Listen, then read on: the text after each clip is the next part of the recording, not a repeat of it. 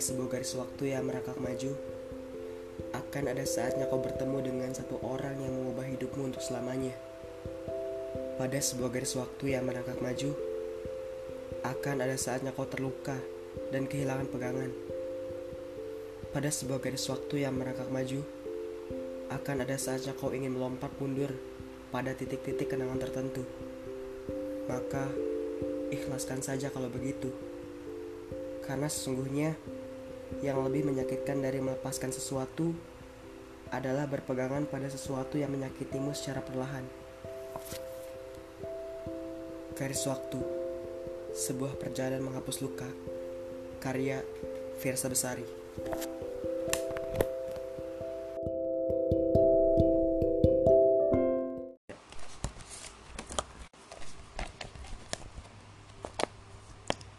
Garis waktu.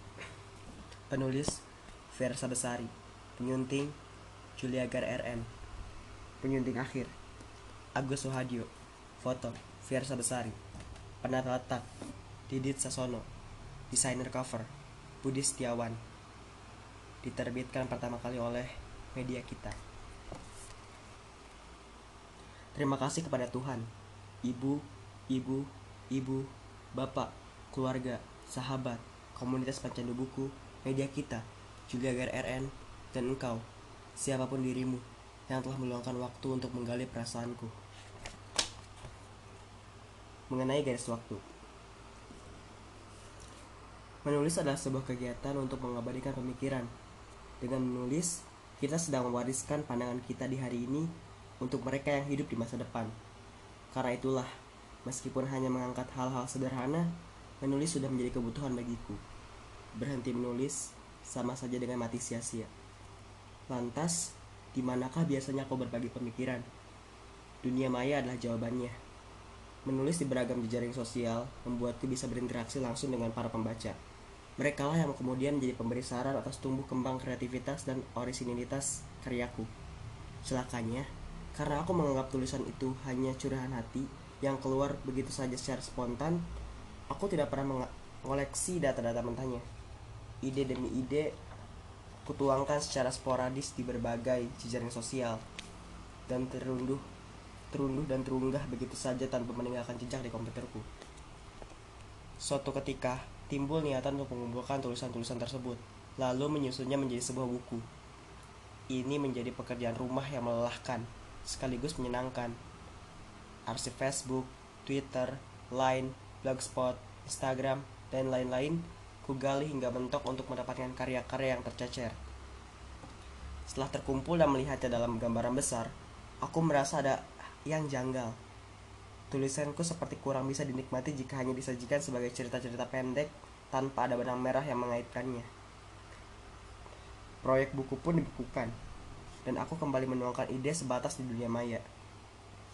Hingga pada suatu hari muncul sebuah gagasan. Bagaimana jika seluruh karya yang sempat berserakan itu dilebur menjadi satu cerita panjang? Berangkat dari sana, kubuka kembali file yang sudah mengendap. Kuraju cerita-cerita yang tak saling berkorelasi. Kutambahkan kisah-kisah baru. Kupadu padan, si sekaligus kuhilangkan bagian yang tak perlu ada. Akhirnya, kumpulan pemikiran dan perasaan itu menjadi rangkaian cerita yang bisa dinikmati sebagai satu kesatuan sekaligus sebagai karya yang terpisah tiap babnya. Garis waktu terpilih sebagai judul karena mampu mempresentasikan mem maaf ya. Garis waktu terpilih sebagai judul aduh.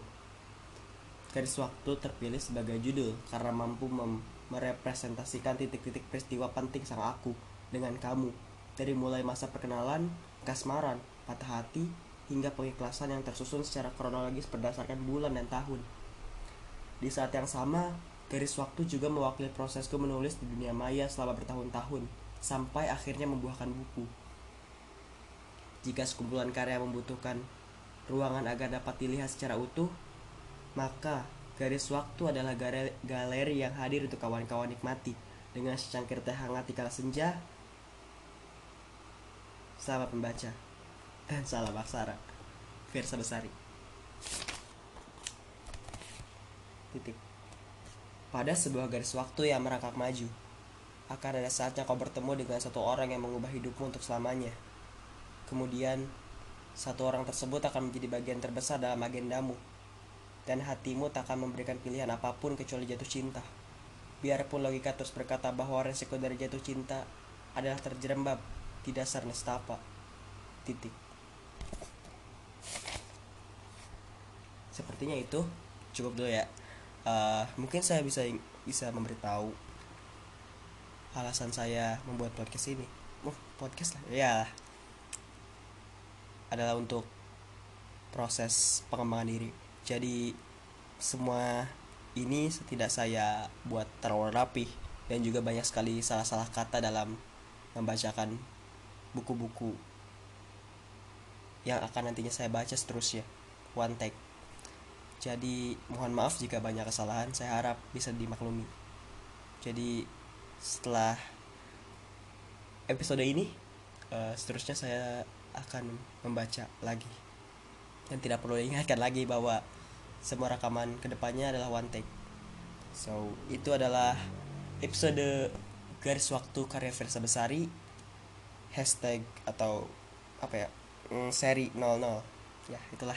Terima kasih selamat dan terus mendengar rekaman ini bye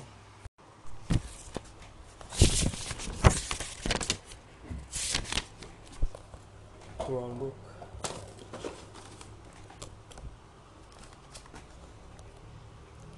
dimensi tentangmu pada sebuah garis waktu. Pernahkah kau ada di titik di mana hidupmu begitu teratur? Lakukan segala yang kau mampu untuk menjadi seragam.